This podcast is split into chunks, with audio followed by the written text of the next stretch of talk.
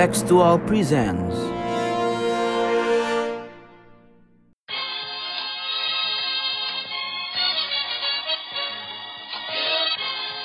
sondern wir schaffen uns unseren Staat. Mr. Gorbachev, open this gate. Together, we will make America great again. Sudah cukup bagi kita untuk mengatakan bahwa winter is coming. Oke, selamat datang di podcast bebas aktif episode Trump impeachment. Oke. Kemarin kita udah ngomongin soal Brexit minggu lalu. Sekarang kita ngomongin soal Trump impeachment. Emang eh, kayaknya lagi seru banget nih di Iya, Western memang Hemisphere. Boris sama Trump ini memang saudaraan. Iya enggak? mirip, mirip, Oh, mirip, iya, mirip iya. aja, mirip fisiknya, bukan mirip Oh, yang lainnya. iya, iya. Eh, by the way, sebelum itu kita juga mau ucapin selamat Natal dan Tahun Baru dari kontekstual Iya, buat semoga pendengar. damai di bumi. Semoga damai di bumi, semoga kalian menikmati eh, masa-masa liburan dan masa-masa eh, keseruan lah berkumpul bersama keluarga kalau kalian kumpul bersama keluarga. Oke, kita langsung masuk aja ke segmen pertama tetap di podcast Bebas Aktif. Duh. Mr. Gorbachev, open this gate. Together, we will make America great again. Ngomong-ngomong podcast kita ini ada suaranya Trump ya. Iya kan? Kenapa tuh? Oh iya ada Nah, ada suaranya kalau Trump. di impeach kita ganti nggak tuh? Jadi suaranya Mike Pence. Oke, eh, kita langsung masuk kali ya. Tapi sebelum itu kita promosi dulu. Eh, jangan lupa eh, follow Spotify kita, podcast bebas aktif. Jangan lupa juga buat follow Instagram kita @contextualcom. Eh, follow juga Mas Sofwan mau promosi eh, media sosialnya? Oh boleh boleh. Boleh, Uh, uh, at Sofwan S H O F W A N Di Ya. Instagram. Instagram, di Twitter at Sofwan S H O F W A N A L B A N N A. Mantap. Kalau aku follow @moelija di Instagram dan Twitter. Ini boleh ya? Boleh dong. Kenapa gak boleh? oh iya siap siap. Jangan lupa juga ini apa uh, follow Future City Summit at future.city.summit. Uh, lihat-lihat aja deh. Uh, kalian uh, bakal berguna buat kalian. Oke, uh, langsung masuk ke pembahasan. Ngomong-ngomong soal impeachment nih mas, Uh, pemakzulan itu identik banget sama uh, negara yang sistem pemerintahannya presidensial, ya. sistem tata kelola negaranya presidensial. Kalau parlementer kan kita kenalnya mosi tidak percaya Iya, iya, iya, iya. atau uh, sejenisnya. Kalau ini kita kenalnya pemakzulan karena emang beda sih bentuknya mosi tidak percaya, tidak percaya kepada kebijakan. Kalau pemakzulan ini sifatnya lebih kepada Ya, pelanggaran removing people from office. kan removing people from office pelang karena melakukan pelanggaran ya mas Hmm, kalau untuk eh, Amerika sendiri gimana sih mas secara orang itu bisa di impeach gitu Iya, eh, jadi sebenarnya apa ya? eh, demokrasi itu kan sistem yang unik. Kalau di dalam sistem eh, sebelum demokrasi feodal, orang itu menduduki jabatan karena dia ditunjuk oleh otoritas tertinggi. Otoritas tertingginya namanya raja ya. Jadi raja bisa menentukan eh, apa siapa menjabat apa. Nah, lalu seiring dengan eh, perkembangan masyarakat nanti di Inggris. Jadi impeachment ini kan mulainya ada di Inggris. Karena Inggris memang termasuk eh, salah satu ya, ya apa negara awal ya bersama Prancis Inggris itu kan negara awal yang eh, mulai eh, memulai gagasan-gagasan demokrasi gitu ya. Nah raja kan mulai dikurangi otoritasnya. Jadi mulai ada mekanisme untuk removing people di highest office politik. Misalnya perdana menteri eh, tanpa melalui eh, persetujuan dari Raja. si raja gitu ya. Nah ini yang kemudian memulai eh, apa istilah impeachment ini atau pemakzulan ini. Nah tapi di sistem yang sifatnya demokratis eh, harus dirancang siapa kewenangan siapa yang bisa dijadikan dasar untuk me- mecat orang dengan jabatan politik tertinggi ya tidak lain tidak bukan ya di dalam demokrasi ya ya pasti uh, rakyat tapi rakyat itu munculnya bagaimana gitu nah makanya kalau di sistem Amerika yang uh, bicameral rakyat itu kan termanifestasi dalam dua kamar di parlemennya gitu Iya. ya kamar yang pertama namanya House House of of, Rep- Representative, Representative. uh, dan kamar yang kedua namanya House of Senate. uh, Senat Iya. gitu ya. Nah, impeachment ini simpelnya dilakukan di dua eh, kamar ini. Dia dimulai di kamar eh, si House of Representative. Jadi House of Representative akan melakukan voting untuk kemudian menilai apakah si presiden misalnya eh, itu melanggar eh, apa articles of impeachment tadi dia terbukti eh, melakukan tindakan-tindakan yang disebutkan di dalam eh, articles of impeachment jadi ini apa poin-poin yang dianggap memenuhi kriteria untuk membuat si presiden dimakzulkan Kalau di Amerika apa aja mas? Eh, Tadi ada- ya kalau berdasarkan konstitusinya sebenarnya didefinisikan dengan sangat Umum ya? fake ya sangat besar, Besar. Eh, karena memang eh, apa ya ya karena otoritasnya ada di rakyat tadi Hmm. definisinya ini akan ditentukan juga melalui proses yang dilakukan oleh para wakil rakyat itu tapi kriterianya ada kira-kira high treason ya High treason tuh apa bahasa Ya, Indonesia ya? eh, pengkhianatan, Pengkhianatan lah, gitu pengkhianatan Ya, satu. pengkhianatan kepada negara, ya, kemudian bribery, ya jelas ya semacam Oh, korupsi, korupsi, kolusi, nepotisme. gitu ya. Makanya kan waktu itu kan Nixon pernah mau di Impeach. eh, impeach, tapi mengundurkan diri dulu, diri gitu ya. jadi nggak tercatat sebagai presiden Yang eh, di-impeach. yang di impeach gitu ya, karena sudah mundur dulu dia sudah tahu kalau Dia pasti kalau im- apa kalau nggak mundur impeachment Akan akan, kena terus. Ah. akan kena impeachment juga gitu ya. Eh, terus high Terus, crimes. eh, sama mis apa Misdemeanor. misdemeanor ya Eh, Tindakan tercela. ya tindakan-tindakan tercela yang ini kan sebenarnya Sangat- sangat luas iya, sekali luas makanya banget. Clinton kan waktu itu kena eh, kasus itu tindakan tercela gitu Tindakan ya tercela. eh, terhadap em, apa eh, staffnya di gedung putih itu kan Oke. Nah, eh, siapa aja jadi mas yang udah pernah di impeach? Ada Andrew Johnson dulu Eh, tahun 1800-an. 800-an lah ya. Heeh, Eh, terus- terus, si tadi Nixon mau di impeach tapi Nggak jadi. karena mundur dulu. Ya terus Clinton, Clinton karena kasus apa? Karena kasus misdemeanors misdemeanor itu dan ya, yang dengan- terbaru adalah misdemeanor atau Miss Lewinsky? Oh, Miss Lewinsky apa tuh mas? Oh iya. Gak tau nih. Gak tau Miss Lewinsky apa? Lah kasusnya kasus Lewinsky, Monica Lewinsky. Oh, gak tau mas. Beda generasi kali mas. Kasusnya si Clinton ini. Oh aku nggak tahu, aku nggak tahu. Oh, oh iya. malah nggak tahu Eh, siapa eh, orangnya. eh. Cuman tahu kalau dia eh, ngelakuin dia Iya, tindakan ya itu, tercela ya. itu iya. si mbaknya itu. Oh namanya Miss Monica Lewinsky. Oke. Satu lagi eh, terakhir Trump ya. Ya terakhir Trump kasusnya sebenarnya kasusnya menarik sekali kalau Trump ini. Oh tapi nanti Ntar, kita nanti kita kembali iya, lagi. kita ke impeachment dulu. Eh, nah, jadi kalau sudah eh, goal di eh, House of Representative ini ya kemudian dilempar ke Senat. Nanti Hmm. House akan membuat sebuah tim gitu Hmm. yang kira-kira berperan sebagai jaksa, sebagai Hmm. penuntut. Oh, eh, Pak Trump, Anda eh, bis, eh, apa layak diimpeach karena ini, Hmm. ini, ini, ini. Nanti ti- presiden bikin tim juga untuk defense. Hmm. Dan nanti ujungnya Senat akan melakukan voting, gitu ya. Jadi kalau di House of Representatives eh, presiden itu bisa diimpeach eh, untuk dibawa ke Senat hanya butuh setengah dari representatif. Hmm. Ya, ya, ya. Yang mana untungnya Demokrat kebetulan lagi mayoritas kemarin ya, Ya, ya, ya, partai ya. oposisinya. Karena pemilu terakhir kan Karena pemilu di, 2018. apa, di House of Representatives lumayan nambah banyak tuh Hmm, Demokrat kan. lumayan nambah banyak Demokrat tapi di Senat dia itu butuh 2 per 3 eh, anggota Senat meng- Dua per tiga dan mayoritasnya masih mayoritasnya masih Republikan. Republikan. Jadi kalau di representatif Demokrat udah punya lebih dari setengah, tapi sedangkan di Senat aja eh, Republikan gak, Ya. gak punya eh apa Demokrat gak punya eh, suara lebih dari setengah, apalagi dua per tiga ya, sesuai yang Iya, dibutuhkan iya, mereka iya, gitu iya. kan. Makanya apa eh, Senat leader ini Hmm. eh, yang dari Republikan ya, orang Kentucky tapi bukan Kolonel Sanders. Sanders. Sanders soalnya bukan kolonel sekarang Bernie.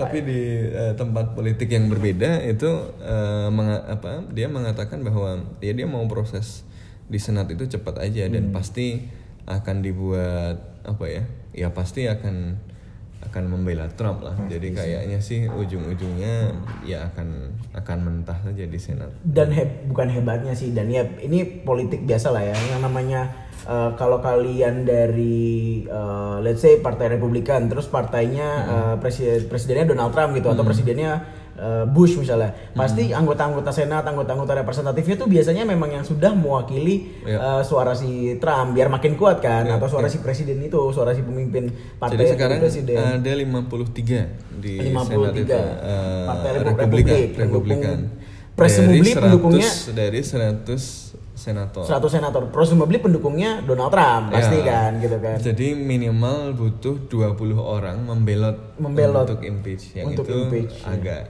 agak Susah sih. gitu Dapat kan. satu aja udah syukur kali itu ya. Ada- ada satu Ya, orang yang Republikan. kelihatan jelas di House kemarin kan nggak ada Republikan Nggak sama ada sekali yang Republikan. mendukung. Di kan. representative yang ya. mendukung cuma Demokrat sama Independen. Hmm. Dan artinya nanti ya kira-kira di Senat dengan peta yang berbeda kayaknya, Hmm. kecuali ada yang sangat istimewa sekali terjadi dalam Dalam beberapa eh, minggu ke depan ya. hari ini, ya kayaknya berat sih akan akan akan benar-benar berujung terpaksa. pada eh, Akan benar-benar eh, terpaksa. pemecatan Trump ini. Oke, oke. Nah, em, kita langsung masuk ke pembahasan ini, Mas. Mhm. Berarti sekarang kita udah tahu gimana cara proses di impeach, kita udah tahu kenapa Amerika membutuhkan impeach. Tadi kan se- secara sejarah dulu orang nggak bisa apa masyarakat sebelum demokrasi nggak bisa memakzulkan pemimpin, sekarang bisa gitu kan. Jadi ada demokratisasi dalam Karena sistem. kekuasaannya kan di tangan rakyat. Iya, Jadi sekarang kan kalau presiden rakyat. tidak menjalankan mandat dari rakyat, berarti seharusnya bisa bisa dimakzulkan, bisa diturunkan, betul. Nah, sekarang kita masuk ke pembahasan. Kenapa Trump akhirnya di impeach? Eh, kita tahu dari tahun 2016, even sebelum Donald Trump eh, terpilih menjadi presiden, baru dia terpilih maksudnya belum menjabat gitu kan. Ada ada spare 4-5 bulan dari terpilih sampai menjabat. Itu orang udah ngomongin soal Mueller. dari ya dari bahkan sebelum Mueller kan orang sudah bicara soal pokoknya gimana caranya Trump harus diimpeach. harus diimpeach. bahkan dia sebelum terpilih ya mas ya. belum terpilih jadi presiden maksudnya belum belum belum jabat jadi presiden Iya dan kayaknya celahnya banyak banget. Celahnya karena banyak banget dia gitu kan. Bentar-bentar Iya. membuat kontroversi aneh. apalagi kalau ngomongin soal misdemeanor mas Donald Trump dengan tindakan Ya. tercela kayaknya sesuatu yang bersahabat cuma, gitu cuma memang karena definisinya tadi luas dia Mm-hmm. membutuhkan ya, kesepakatan politik untuk Kesepakatan jadi politik. impeachment kan Di maka dia butuh dua house. ya dia butuh sesuatu yang besar sih untuk kemudian benar-benar dibawa gitu karena kalau mulainya beneran apa politis tapi tidak terlalu besar kasusnya ya jelas ini akan sia-sia aja maka Sia-sia. Demokrat juga mungkin mau bawa juga repot nah makanya kemudian dulu eh, pembicaraan pertama soal mau impeachment ya Mueller itu Mueller ya kan? report Karena, soal eh, intervensi ya, Rusia. karena itu dianggap sebagai eh, apa ya ya memasuki kriteria tadi kan treason tadi juga kan karena dia dituduh berkampanyenya Trump itu berkonspirasi dengan Rusia untuk mempengaruhi uh, pemilu Amerika Serikat tahun 2016. Uh, reportnya sendiri ujungnya agak membingungkan gitu ya karena ada upaya-upaya dari White House uh, untuk misalnya juga menghambat prosesnya gitu ya.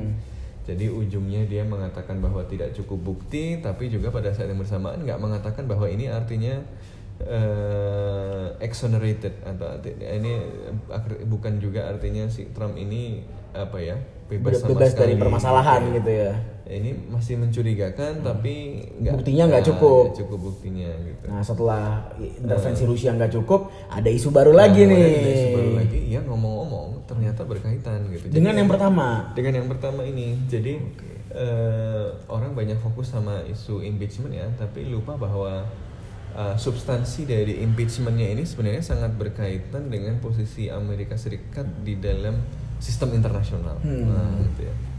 jadi eh, ini kan ceritanya berkaitan dengan eh, apa saat negara api menyerang gitu Rusia menyerang saat Rusia Ukraina menyerang gitu ya. Ukraina. tahun 2014 2014 gitu ya. Eh, nah tapi eh, kita akan balik lagi ke sana. Kita ba- balik dulu. Sebenarnya articles of impeachmentnya itu apa sih? Nah articles of impeachmentnya eh, Trump ini sekarang berkaitan dengan tuduhan bahwa Trump sebagai presiden Amerika Serikat itu menyalahgunakan kekuasaannya eh, untuk kepentingan dia sendiri, kepentingan politik dia sendiri gitu. Eh, apa ya yang dia lakukan adalah eh, dia dituduh ya, jadi ada seorang eh, di dalam komunitas intelijen Amerika Serikat yang jadi whistleblower yang dia mendengarkan dan mengetahui telepon si Donald Trump dengan presiden Ukraina yang kemarin viral banget di medsos itu loh sempat lihat nggak tuh ya yang apa, Apa tuh? yang presiden Ukraina yang bikin Oh ya PPT, Apa? eh, Oh, WhatsApp, PPT WhatsApp chat lucu-lucu ya. itu, ya. ya. Presiden Amerika, eh Presiden Ukraina kan emang mantan stand up Ah, komedian. ya, nah eh, dia eh, makanya bisa membayangkan si teleponnya Trump hello nah, gitu ketemu sama eh, apa pres- eh, presiden Ukraina yang lucu itu sama-sama lucu sebenarnya in their own way Eh, tapi kemudian pada teleponnya itu ada ucapan-ucapan yang membuat eh, komunitas intelijen Amerika Serikat yang kemudian salah satunya jadi whistleblower ini apa ya alarmnya bunyi loh ini kok gini sih gitu. ini kok gini sih gitu. jadi pas telepon itu si Pak Presiden Amerika ini si Trump ini menautkan antara bantuan luar negeri Amerika Serikat yang itu ngomong-ngomong bantuan yang sangat strategis dan sangat penting karena bantuannya bentuknya adalah bantuan militer. Jadi si presiden Ukraina ini minta anti tank apa senjata anti tank Senjata melawan tank. untuk melawan tank karena tank-tank ini digunakan oleh separatis eh, Ukraina, Ukraina. yang pro Rusia. Iya. Jadi Ukraina kan ada wilayah-wilayah yang eh, orang-orangnya lebih dekat ke Rusia sebenarnya secara Kultural. apa kultural gitu ya, secara politik. Jadi mereka ketika Ukraina eh, dianggap terlalu pro Uni Eropa karena kemudian mau bergabung, mau sama NATO dan macam-macam itu ya kan apa ya memicu kekhawatiran di Rusia yang ini kemudian mendorong Rusia intervensi itu kan. Tapi anyway eh, kemudian ada pemberontak separatis itu yang ngomong tembakannya salah satunya nyasar ke MH apa yang pesawat Malaysia itu loh. Jadi Oh, ini iya, iya, nyambung iya, ke mana-mana iya, ini iya, cerita iya. yang Cerita yang- nyambung ke mana-mana ini Iya, sebenarnya. iya, karena dikira pesawat Rusia. Nah, jadi, karena nggak tahu, Iya, karena itu warnanya apa ya. MH Ya, itu merah, biru, putih. Ya pokoknya itu eh, konflik itulah Iya, gara-gara itu itu. gitu ya. Nah, jadi si presiden Ukraina itu butuh senjata untuk menghajar separatis. Nah, nanti apa apa eh, ya jadi kemudian untuk membutuhkan untuk mendapatkan senjata itu dia minta ke si presiden Trump. Nah, presiden Trump itu mau ngasih tapi eh, oh, tapi saya punya favor nih ya do me a favor nah, gitu ya kira-kira. Mau ngasih tapi kemudian ini ditautkan dengan tuduhannya adalah ditaut tapi Republikan akan mengatakan bahwa enggak itu yang ngomong aja dua hal tapi enggak enggak quid pro quo. Nah, bersambung enggak- gitu, enggak ada hubungannya ada sebenarnya hubungannya gitu, gitu, ya Eh, tapi ya kalau orang lihat konteksnya masa iya nggak bersambung gitu ya Iya, tapi iya. anyway Trump kemudian habis ngomong itu ya nanti kita bantu tapi tolong tolong saya juga dong gitu ya Nah, tolong, tolong saya minta itu apa, balik gitu. ada dua hal di situ satu yang eh, yang sangat eh, apa ya sangat sering jadi pembahasan adalah si itu permintaan Trump itu untuk menyelidiki kasus eh, korupsi kira-kira yang melibatkan anaknya Joe Biden Yang diduga. Nah, yang, diduga. eh, yang diduga, eh, yang diduga melibatkan eh, Anaknya, anaknya Joe Biden. Namanya Hunter Biden. Hunter Biden. Iya. Dan ini awalnya gue juga bingung kok bisa anaknya Biden kok ada hubungannya sama Ukraina apa Ah. gitu ya. Ternyata ini ada hubungannya sama keterlibatan Amerika Serikat di Ukraina zaman Obama. gitu. Jadi zaman Obama kan wakilnya si Biden. Hmm. Biden ini kira-kira bertindak sebagai wakilnya Amerika Serikat lah Hmm. dalam urusan Ukraina ini gitu kan. Eh, Nah, jadi pas kondisi itu negara-negara barat melihat bahwa kalau mau Ukraina ini selamat gitu ya, kira-kira bisa dikasih bantuan secara efektif, dia harus melakukan reformasi domestik. Nah, salah satu yang harus direformasi adalah Ukraina ini korup gitu. Makanya si komedian kan maju gitu ya. Iya. Ya kan salah satu alasan si komedian maju kan negaranya terlalu korupsi, korup mungkin iya. ya biar sekalian aja komedian yang maju, Maju. gitu loh semua politisi korup kan Iya. gitu ya. Jadi kira-kira gambarannya Ukraina itu politik yang korup gitu ya. dan orang-orang barat apa yang waktu itu uh, mendukung Ukraina yang anti Rusia ini uh, itu kira-kira pandangannya seperti itu tapi mereka minta syarat reformasi domestik dong gitu. Kalau kita mau bantuin tapi uh, kalian harus uh, perbaiki uh, tata kelola domestik gitu ya. Di Ukraina. Salah satunya ada eh, seorang pejabat eh, jaksa agung ini ya, eh, Shokin eh, yang eh, dianggap korup, yang notorious korup gitulah. Korup banget gitulah ya. Eh, menurut Amerika Serikat. Menurut Amerika Serikat. Barat gitulah kira-kira. Tapi kemudian ya dia diminta dipecat dulu. Jadi mau kasih bantuan, tapi eh, bantuan ini ya berkaitan dengan eh, reformasi domestik yang berkaitan dengan pemecatan Iya, si Shokin. Shokin ini. Nah belakangan si Shokin ini setelah dipecat dan setelah Ukraina dapat bantuan ini dia koar-koar bahwa dia dipecat itu bukan karena dia korup bukan karena informasi takan karena dia sedang menyelidiki kasus yang melibatkan anaknya Joe Biden. Joe Biden. Dengan perusahaan yang namanya lucu banget ya. Ada Perus- hubungannya sama- perusahaan di Rusia eh di, Di Ukraina, Ukraina namanya namanya Burisma. Burisma. Burisma, oke. namanya Bu Risma dan ngomong-ngomong si Hunter ini jadi boardnya di situ Oke, jadi Tapi boardnya kan Burisma. banget maksudnya ini juga sebenarnya pas dari kasus ini juga unik juga sebenarnya. Hmm. maksudnya Hunter Biden ini apa hubungannya sama Ukraina bisa jadi komisaris itu. Tapi itu kan kasus Iya, lain iya. gitu tapi mirip-mirip anyway. mirip-mirip sama Ivanka Trump. ya nggak ada hubungannya bisa jadi pejabat di situ kan. Eh, ya agak unik juga. Iya, tapi anyway jadi sebenarnya wajar saja memunculkan pertanyaan. Tapi bahwa Trump kemudian meminta si presiden Ukraina untuk memerangi korupsi Iya. ya dengan Memecat. cara bukan dengan cara menyelidiki, Oh, menyelidiki Hunter kasus, Biden. eh, Hunter Biden ini ini ya dianggap sebagai eh, upaya untuk Penyalahgunaan. penyalahgunaan kekuasaan Penyalahgunaan gitu ya karena kekuasaan. nanti ini ini padahal ini kan as- masalah national interest kan Iya. soal posisi Amerika Serikat di Ukraina seperti apa itu jadi bantuan luar negeri itu kan harus diberikan atas pertimbangan national interest tapi Trump itu menautkannya dengan persaingan politik domestik Iya. gitu ya oh ini kebetulan si Biden dulu punya urusan di situ gitu ya Iya. dicari-cari kesannya begitu gitu. Kesannya itu yang begitu. yang dituduhkan oleh Demokrat seperti itu. Jadi si Trump dianggap menyalahgunakan kekuasaan dia sebagai presiden dengan menautkan antara bantuan luar negeri Amerika Serikat Era Joe Biden.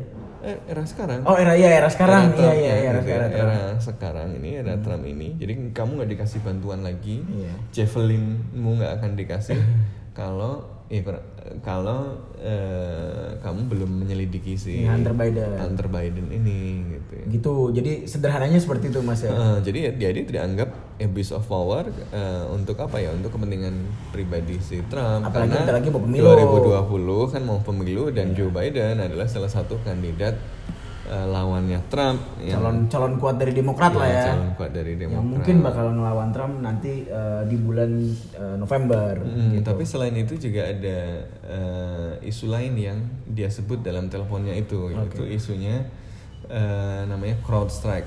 CrowdStrike. Kalau dulu zaman gue SMP ada Counter Strike. Iya.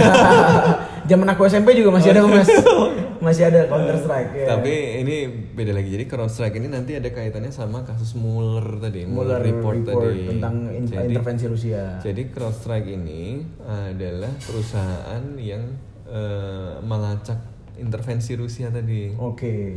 Jadi eh, si Trump somehow percaya teori konspirasi bahwa eh, apa ya bahwa penyelidikan Mueller itu memang diarahkan untuk menjatuhkan dia Oke. dan itu didalangi salah satunya oleh CrowdStrike itu yang kemudian menyediakan bukti-bukti memframe bahwa Rusia terlibat gitu ya. Iya.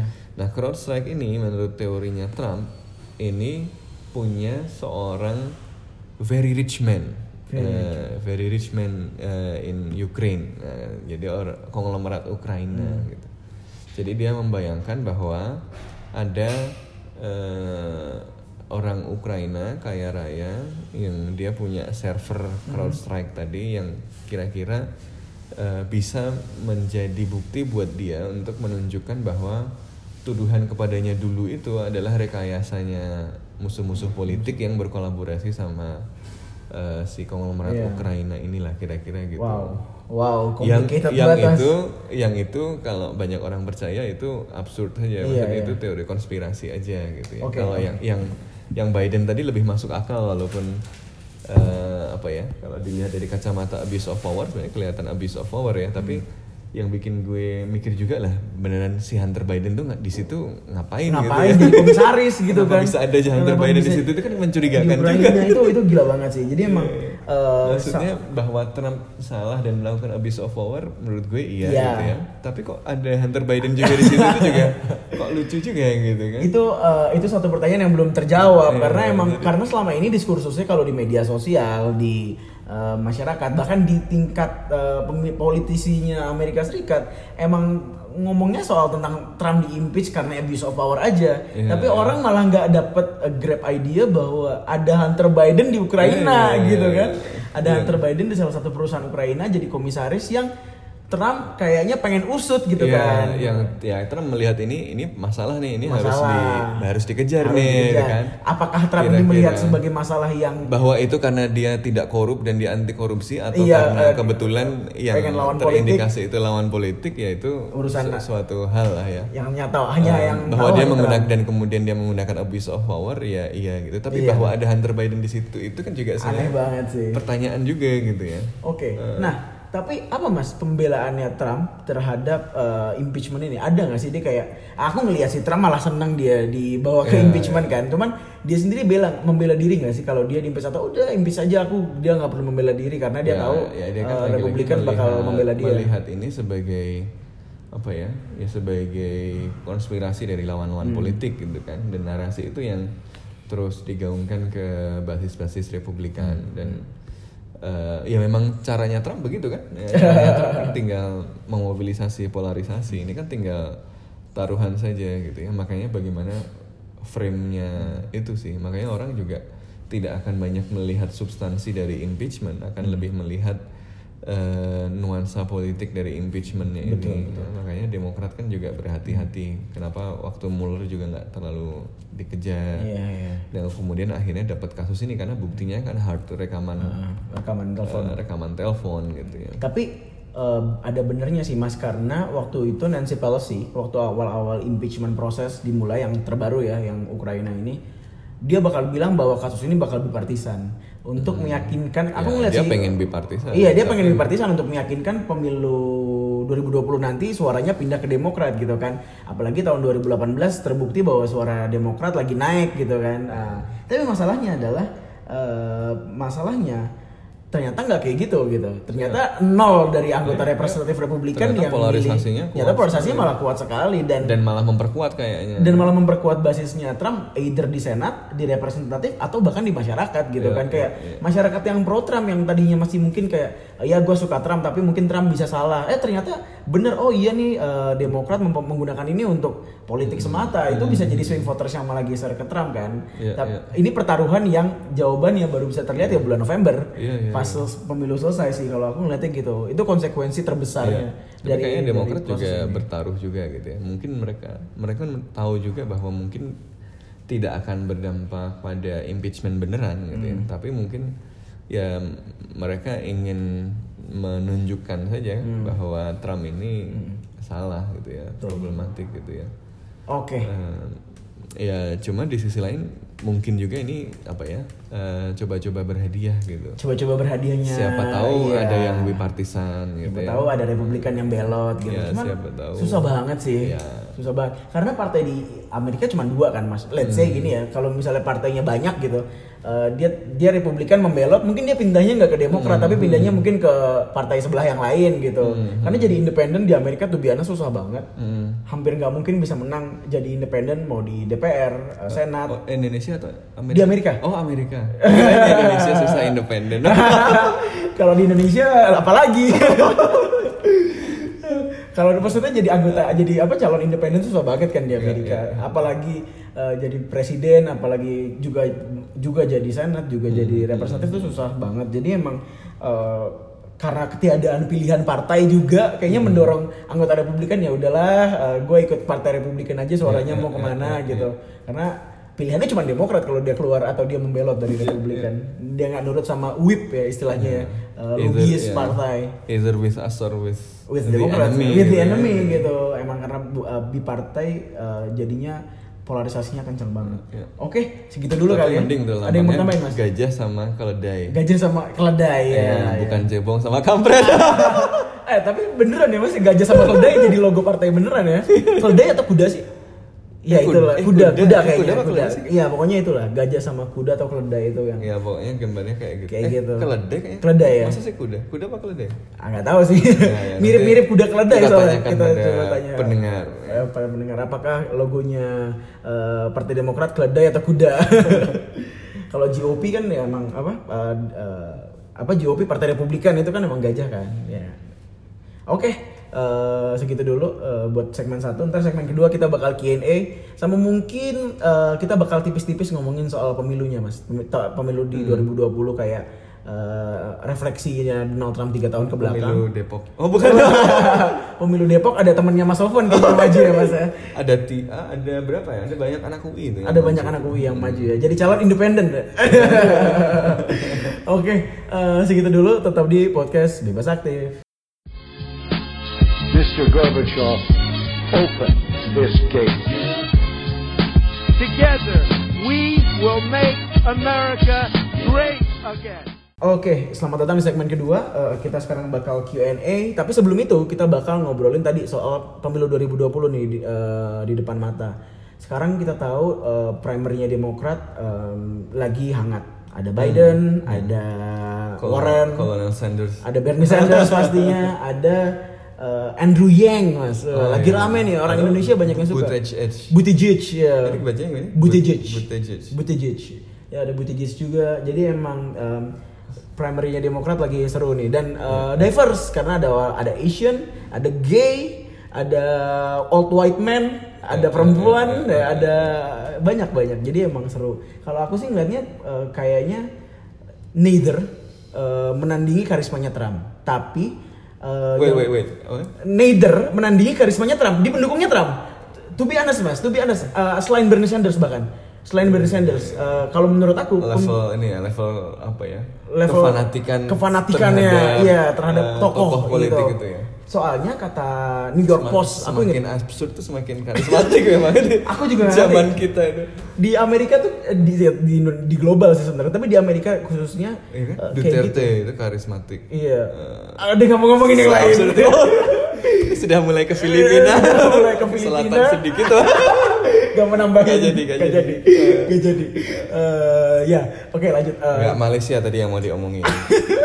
ya kan? Selatannya Selatan ada gitu. Filipina ada Malaysia ada lagi eh, pemimpin karismatik di sekitar situ ya Kim Jong Un Oke oke balik balik. Nah eh, maksudku gitu karena kalau untuk menandinginya Trump, menandingin menandingi Trump, kayaknya nggak butuh rasionalitas Nggak dalam dalam memenangkan pemilu. Kayak butuh sosok sosok, sosok orang yang eh, identitas dan eh, visinya itu bisa bipartisan. In a way that eh, orang-orang pendukung Republikan terutama mau geser dari eh, dari dari Republikan balik ke Demokrat gitu.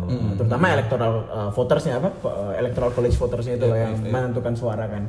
Eh, jadi ya eh, kalau aku sih ngeliatnya gitu dan mungkin di 2020 nanti eh, mendekati setelah Dems primary kita udah tahu siapa eh, bakal banyak yang bisa dilakuin sama Ya, Trump. Aku yang sih ngeliatnya sulit gitu. tuh emang ini sih ya Demokrat ini eh, lagi naik popularitasnya Kayak kelihatan dari pemilu 2018. terakhir itu tapi memang mereka nggak punya tokoh yang beneran bisa nangkep semuanya gitu Betul, betul, Eh, betul. apa jadi sementara di Republikan jelas nih solid apalagi dengan eh, apa impeachment ini ya semuanya Makin solid. eh, ke Trump semua gitu ada ya. ada common enemy. Heeh, jadi ya kayaknya problemnya ke Demokrat nanti Iya, apakah dia bisa menemukan figur yang bisa menyatukan seluruh kekuatan anti Trump mungkin ya sekaligus meyakinkan orang-orang yang eh, tengah-tengah. yang tengah-tengah gitu. Iya betul. Ya itu yang kata orang, kata banyak analis juga di US belum tampak di semua calon. Mm-mm. Selain Bernie Sanders bahkan uniknya selain Bernie Sanders karena kan Bernie Sanders nih eh, apa ya dia meskipun dia far left dia nasionalis dia eh, adalah identitasnya yang old white man juga gitu kan yang identitasnya serupa dengan Donald Mayoritas, ya. mayoritas kayak gitu. Oke, nah oke Eh, segitu dulu lah verdict kita tentang pemilu 2020 mendatang. Eh, nanti kita bakal bahas di episode yang khusus lah pasti. Mungkin bulan-bulan Maret, April atau mendekati November pokoknya. Oke, kita masuk ke Q&A kali Mas ya. Eh, pertanyaan yang basic-basic dulu dari eh, M Khairul S underscore. Tadi udah sempat kita singgung sih. Kira-kira bakal ada Republikan yang oleng gak sih Mas? Tiba-tiba jadi dukung impeachment? Kayaknya sulit ya. Sulit ya? Eh, kalau lihat dari kemarin di House ya di Senat kayaknya akan lebih solid lagi gitu ya. Dan ini jadi semacam uji loyalitas juga. Jadi ini game theory juga akhirnya ke orang-orang Republikan kalau dia nih pilihan dia kalau dia mau defect, Hmm. dia harus defect sekalian sama 20 orang. Benar. Kalau enggak dia kalah gitu kan. Kalah pasti. Kalah dan malah jadi loh. Ini kok Kalau sendirian Kalau gitu sendirian, kan, ngapain lo pengen jadi kelihatan. anggota Partai Demokrat gitu kan? Eh, walaupun eh, nggak tahu vote-nya tertutup kayaknya ya. Vote-nya tertutup. kan, tapi kan pasti ketahuan kalau ada ini pasti Iya. ada Ada pasti whip-nya, Mas. ada pasti ada yang Lobbyis. eh, pasti ada yang apa defect kalau ka- kalau angkanya nggak sesuai prediksi kan pasti ada yang defect. Hmm, Kalau ada yang defect eh, ya pasti soliditas partai akan Akan hancur. hancur. Jadi mereka tidak hanya melihatnya sebagai soal Trump benar atau salah, tapi eh, pada soliditas partai menghadapi eh, 2020. Sama gitu. ini, Mas. Jadi kalaupun mereka percaya Trump salah secara personal, Seenggaknya mereka memilih eh, mengimpeach juga itu akan berdampak buruk Pada untuk soliditas partai yang sebentar lagi akan akan pemilu. menghadapi ya pemilu dan macam-macam itu. Yang ini juga menarik mas karena dia pas iya, dia kan anggota senat dari Partai Republikan. Pemilihnya kan pasti dari Partai Republikan juga Iya, dong. iya, Am- iya, Orang-orang pemilih Trump juga. Iya. Dia bisa kehilangan suara dari situ juga buat uh, nanti kalau dia Jadi tidak ada lagi. insentif, untuk, membelot sih. Betul gitu ya. betul. Nah itu salah satu poin yang uh, kuat buat bilang kalau kayaknya Trump gak bakal di impeach di senat ya. Mm-mm. Uh, Oke ada tadi. Kecuali ya tadi ada kejadian istimewa. Iya, dalam gitu beberapa ya. hari, beberapa minggu ke depan, benar. Ada Sony 3 ini sebenarnya udah kita bahas ta- tadi sedikit eh, dan gampang sebenarnya jawabannya. Eh, tapi kita explicitly lah kita omongin. Siapa yang menggantikan Donald Trump kalau beneran di impeach? Ya wakilnya. Wakilnya kan. Jadi nggak mungkin ada rombak kabinet atau tiba-tiba Nggak. langsung pemilu nggak ada. Nggak, ya. nggak, nggak menteri pertahanan kok. Nggak mungkin. benar. Presiden kalau di impeach yang turun wakil menteri pertahanan, eh menteri pertahanan. Siap, siap, siap. siap. Wakilnya? Wakilnya eh, Mike Pence. Iya, Mike Pence. Saya ini ngomong-ngomong lebih ini lagi akan menarik lagi juga. Mike Pence. Mike Pence? mungkin mungkin orang Demokrat juga ini juga gitu Eh, ya kayak, maksudnya ya udah. ya. Kalau misalnya apa Trump turun ada Mike Pence di atas kayak sedikit lebih baik dari Trump sedikit banget. Kalau buat orang dari Partai Demokrat pasti mikirnya kayak gitu. Em, nah ini ada lagi nih Denis Surya Putr bilang kalau misalnya impeachment dikabulkan apa semua jabatan kabinet bakal dihapus bakal ada perombakan kabinet guys Enggak lah. enggak lah ya jadi Ya. ya udah tetap uh, Iya, business as usual Nah, gitu ya Tapi kan kemudian kepala tertingginya bukan Trump lagi. Iya. Jadi kepala tertingginya nanti akan memutuskan dia mau ganti orang nggak mau itu ya Mike. Pence Ya. tergantung Mike Pence ya Ya si presiden baru. Betul betul. Oke, eh, beberapa pertanyaan lain sebenarnya. Oh nggak perlu ada impeachment aja kan Trump secara reguler Iya, melakukan melakukan reshuffle.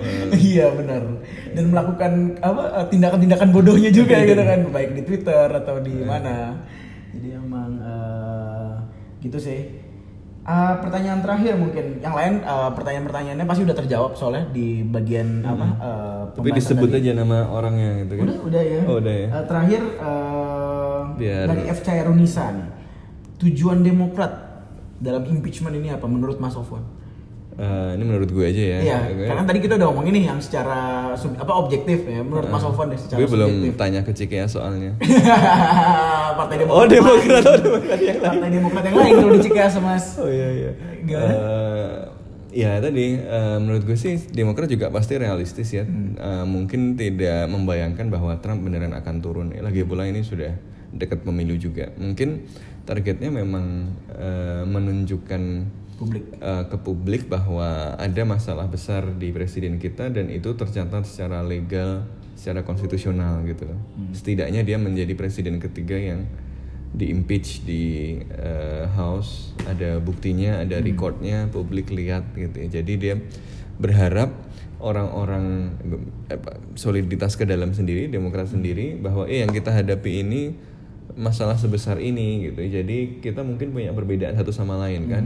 Se- pendukungnya Sanders sama pendukungnya eh, Elizabeth Warren nggak akur gitu kan eh, dalam banyak aspek policy misalnya. Tapi ini musuhnya Trump gitu yang itu itu kejahatannya kayak gitu loh gitu. Jadi ya sudah kita eh, jadi satu dulu gitu kira-kira gitu. Itu satu ke dalam keluar ya ke meyakinkan orang-orang yang masih melihat bahwa ada batas-batas ke absurdan yang bisa ditolerir gitu ya. Ini sudah lewat batasnya dan eh, ya kemudian ayo dukung Demokrat. Jadi lebih untuk score political points itu tapi mem- tidak sepenuhnya memang yang menargetkan turunnya Trump gitu. Aku eh, setuju sama Mas Sofwan dan mungkin mau nambahin juga sih Mas. Kalau aku ngelihatnya eh, impeachment ini adalah bagian dari eh, pembentukan isu di awal tahun politik ini di tahun 2020 gitu kan. Karena eh, bahkan di Dems primary, Democrat primary kemarin debat gitu di live TV debate eh, ada pertanyaan yang bilang ke calon-calon anggota eh calon-calon presiden dari Partai Demokrat yang ditanyakan gini eh, apa yang bakal kalian lakukan untuk menghadapi Trump yang ternyata terbukti eh, untuk eh, telah berhasil meningkatkan per- perekonomian Amerika Serikat, meningkatkan wages. Terus itu di, di retweet sama Donald Trump di Twitter.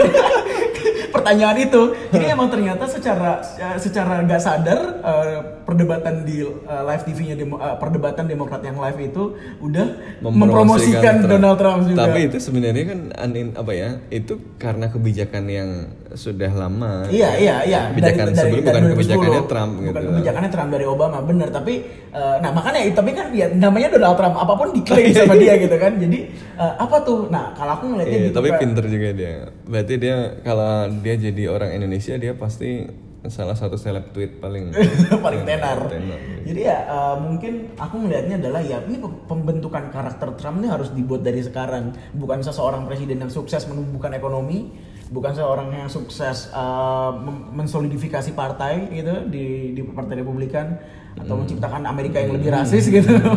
Tapi eh, ya bahwa Trump adalah orang yang tercela dalam tanda kutip Betul, untuk betul. jadi presiden. Dan ini naratif yang bisa bipartisan. Bisa- bisa Ah, bipartisan, karena benar. mengkhianati negara gitu Betul, kan, betul. abuse of power. Mengkhianati konstitusi. Kalau narasinya anti apa kalau narasinya adalah Trump itu rasis, Iya. ya, bukti orang Amerika banyak yang rasis juga, Ya, banyak pendukungnya. amat gitu. Kayak, ya Eh, udah tapi kalau- mengkhianati negara ini kan sebenarnya retorika yang retorika eh, yang- maksudnya resonate di semua. Jadi kayaknya memang masyarakat. Mau membangun ya tadi memang itu naratif eh, positioning eh, Karakter. ya politik, politik gitu. dan itu bagus banget sih menurutku eh, itu tindakan yang bagus tapi apakah ternyata nanti bakal backfire ya cuman bulan November ya, Ya, bisa dan menjawab mungkin akan backfire juga untuk apa Biden yang jelas maksudnya Iya, tiba-tiba iya. kesadaran kasusnya orang kan jadi nanya-nanya ke bawah gitu, Hunter macam-macam Biden gitu. ke bawah ke Joe Biden juga pastinya so Oke, segitu dulu mas eh, Oke. untuk episode ini seru banget. Eh, dan hari ini kita cuma berdua ya mas btw. Iya. Eh, Lagi pada liburan, banyak libur. lagi pada liburan, pulang kampung, Natalan eh, dan segala macam lah. Eh, Oke, segitu dulu dari kita. Jangan lupa follow at kontekstualcom di kanal media sosial. Buka kontekstual.com, eh, follow Spotify kita dan eh, subscribe YouTube kita. Sampai jumpa lagi. Sampai jumpa di episode selanjutnya. Dadah.